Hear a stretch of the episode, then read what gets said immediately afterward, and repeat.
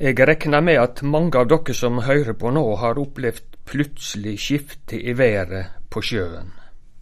Kanskje kom det ei kraftig bøye med både regn og vind, som overraska dere og forandra hele situasjonen.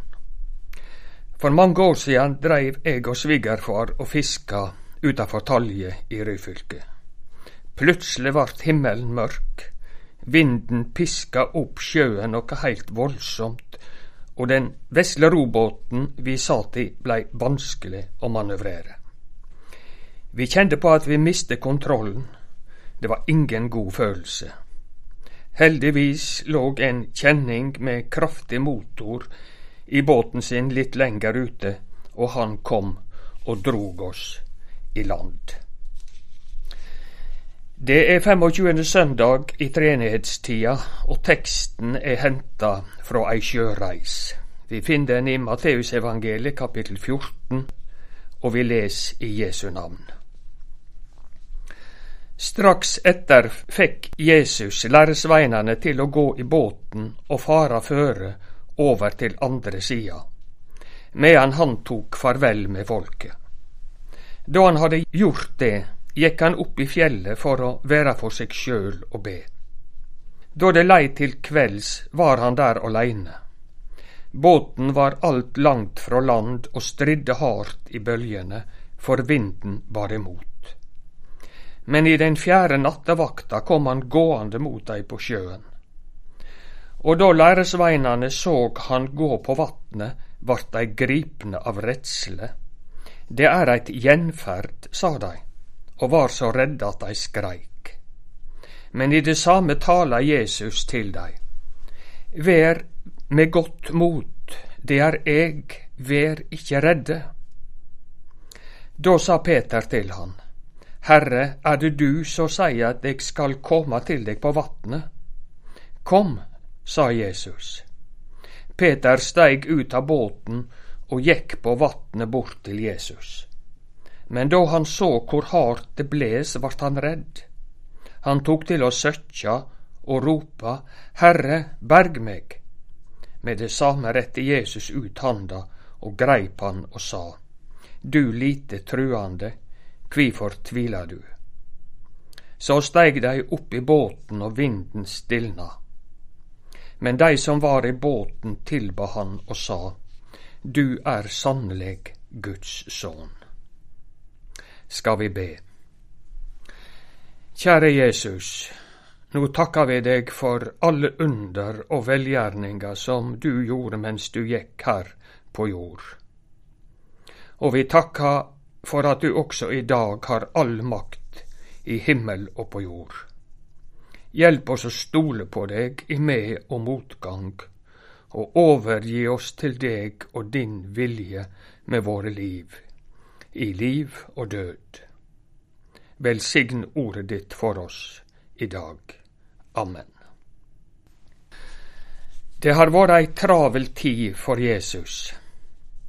Egentlig ville han være for seg sjøl borte fra folket. Men da Jesus steig i land på den andre sida av Genesaretsjøen, fikk han sjå ei stor folkemengd som hadde teke landevegen. Jesus rømde ikkje fra dei, han fikk inderlig medynk med dei og lekte dei som var sjuke, står det. Mot kvelden meldte svolten seg. Læresveinane går til Jesus med matproblemet. Men det skal gi dei mat, sa Jesus. Det ender med at Jesus ber bordbønn over fem brød og to fisker og verda sitt største matunder er eit faktum. Det blir mat i overflod til mange tusen mennesker. Så skal vi legge merke til. Etter dette nøde nærmest Jesus læresveinene sine til å gå i båten for å fare over til den andre sida. Han vil ta farvel med folket åleine. Så går han opp i fjellet for å være for seg sjøl og be. For å være for seg sjøl og be, står det. Tok du den? Det står ofte i Det nye testamentet at Jesus gikk aleine til en aude plass for å be. Å sitje for seg sjøl og be. Ingen dum tanke. Det burde vi alle praktisere ofte. Det må være en spesiell grunn både for at Jesus sendte læresveinene i førevegen over sjøen, før han åleine tek farvel med folket, og så går opp i fjellet for å be. Johannes skriver også om denne hendinga, og han meir enn antyder at folket var så begeistra for matunderet at de ville tvinge han til å bli kongen deres. Jesus ville nok ikke at læresveinene skulle bli frista med falske forhåpninger om en kongstanke. Jesu oppgave var ikke å bli en jordisk matkonge, men som han sier, eg er livsens brød, og at han er Guds brød som kjem ned fra himmelen for å gi verda liv. Det står i Johannes kapittel 6. Da måtte både han og de belage seg på en mer stormfull seilas videre i livet. Jesus visste nok at det kom til å blåse opp. Likevel sendte han dei over sjøen aleine. De måtte streve i timevis i en nattsvart og farefull kamp mot bølge og motvind. Det måtte vel være for at Jesus ennå hadde noe å lære sine venner. Ofte er denne teksten tolka i overført betydning, men nå skal vi ikke være for snare til å koble over på den livsseilasen som vi alle er med på på tidens skiftende bølge. Læresveinene er om bord i en båt på en forrykende Genesaretsjø. Det handler om en farefull sjøreis med livet som innsats. Jesus ser det heile fra bønneplassen sin i fjellet. Men først i den fjerde og vanskeligste og mest slitsomme nattevakta, mellom klokka tre og seks, endelig kom Jesus. Jesus vil nok lære sine venner og oss ei lekse denne natta, vi som ofte er så seine både til å skjøne og til å tru. Da Markus forteller denne historia i kapittel seks, legg han til, for de hadde ennå ikke teke lærdom av det som hadde hendt med brøda. Så harde var hjarta deira. Nå vil han ennå en gong vekke dei og vise dei kven han er. Skaperen av himmel og jord, som kjenner alle naturlover. Han har også makt over alle naturkrefter. Han kan blåse havet opp, og han kan legge det til ro. Derfor sier han til dei, det er eg, vær ikkje redde. Han presenterer seg som Gud sjøl gjorde i Det gamle testamentet, Eg er. Jesus tek Guds posisjon. Jesus er underets Gud, han som hadde gjort matunderet dagen før, med en stor restefest for tusenvis av mennesker. Han er den samme Gud som hadde sendt manna til folket i øydemarka da israelsfolket utvandra fra Egypt. Han som nå stiller stormen og går på vatnet rett for augene på dei. Han er den same Gud som i gammel tid kløyvde Raudehavet og let Israelsfolket flykte tørrskodd fra egypterne, som var i hælane på dei. Læresveinane, inkludert Peter, som tvilte og hadde lita tru. Men Jesus gjorde likevel store under rett framfor augene deira. Denne natta fikk læresveinene enda ein gong lære litt om hvem Jesus var. Du er sannelig Guds sønn, tilbad dei han da vinden stilna. Peter er jo en type for seg sjøl, merkelig at han hadde lyst til å prøve vatnet midt i stormen og bølgene. Men han vart vel så glad da han hørte det var Jesus som kom. Ikke veit eg. Men Peter mislukkast også denne gongen. Men det er fint at vi har den episoden. Den kan lære oss og trøste oss. Det er på mange områder i kristenlivet vi har mislukkast. Så lenge Peter hadde blikket festa på Jesus, bar vatnet, men så mista han fokus, og sjøen, vinden og bølgene gjorde han redd. Heldigvis, Peter visste hvem som kunne hjelpe. I si hjelpeløse ropa han til Jesus om berging. Slike rop vil Jesus alltid svare på, slik han greip Peter. Men Jesus vil ikke bare syne oss i all makt over natur og skaper verk denne natta. Han er også en Gud som har omsorg for oss, at vi skal ha nok mat, og at vi får ei trygg livsreise på tidens skiftende bølger.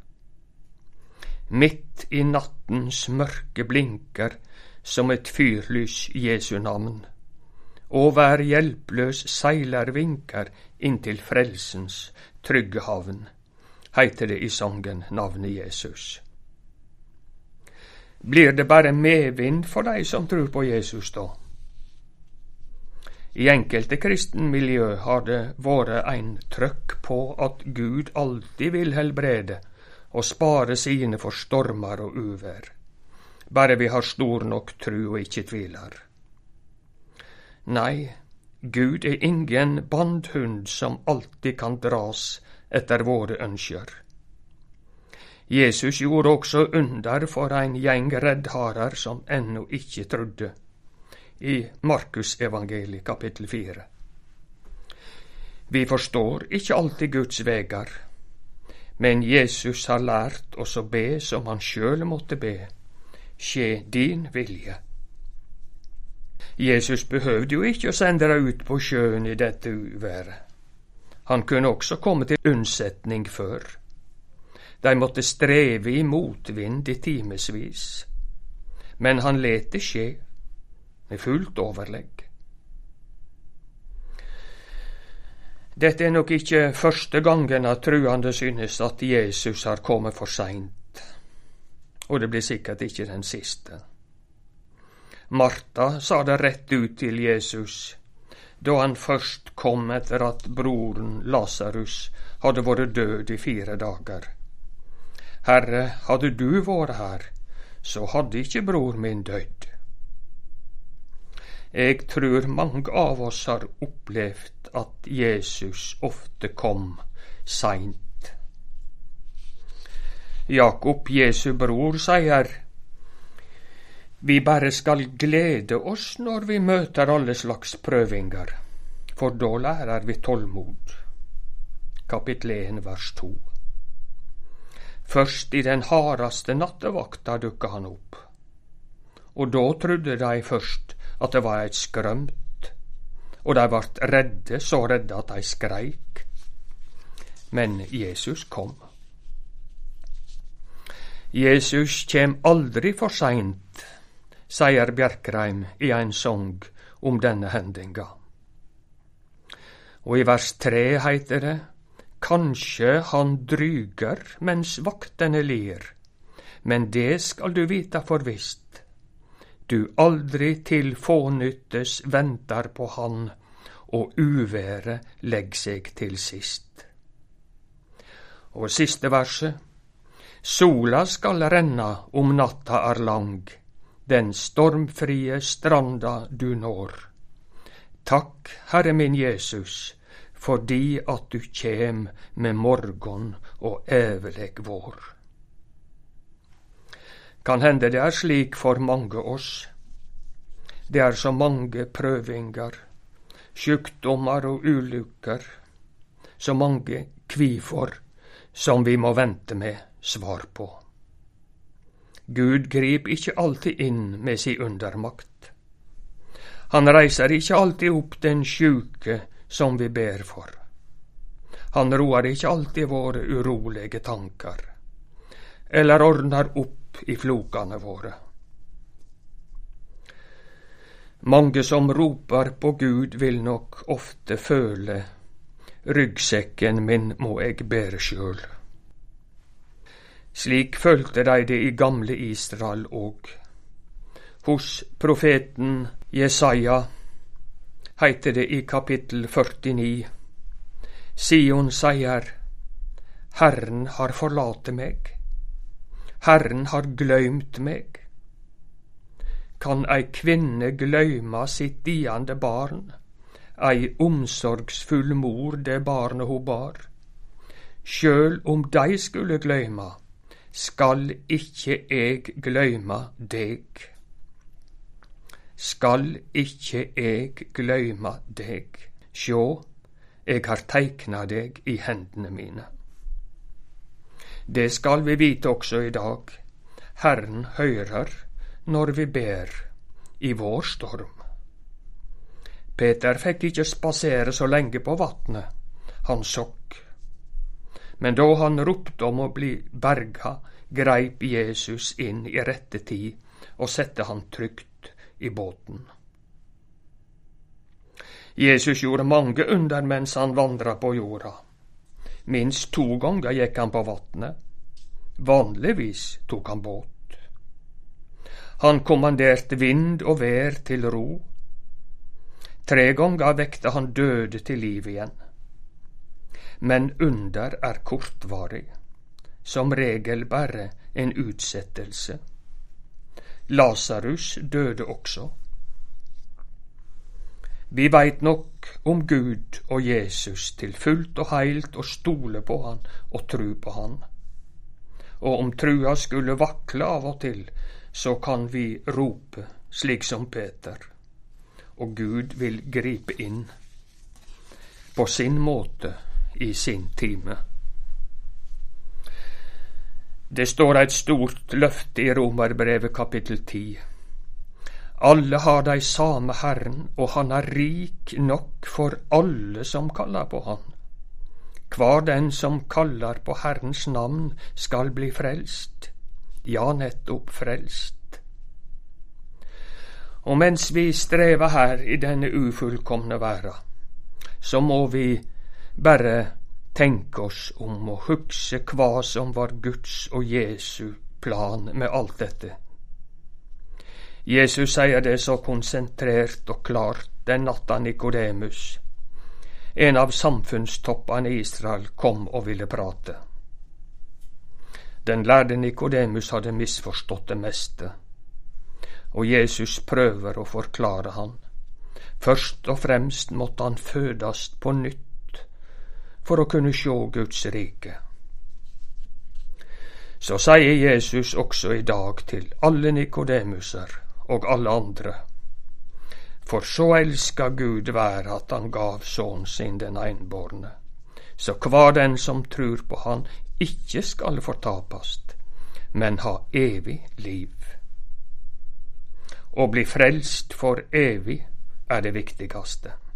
Det er Guds plan og hensikt viktigere enn å bli frisk, viktigere enn stormen som skal stilne på vår livsseilas.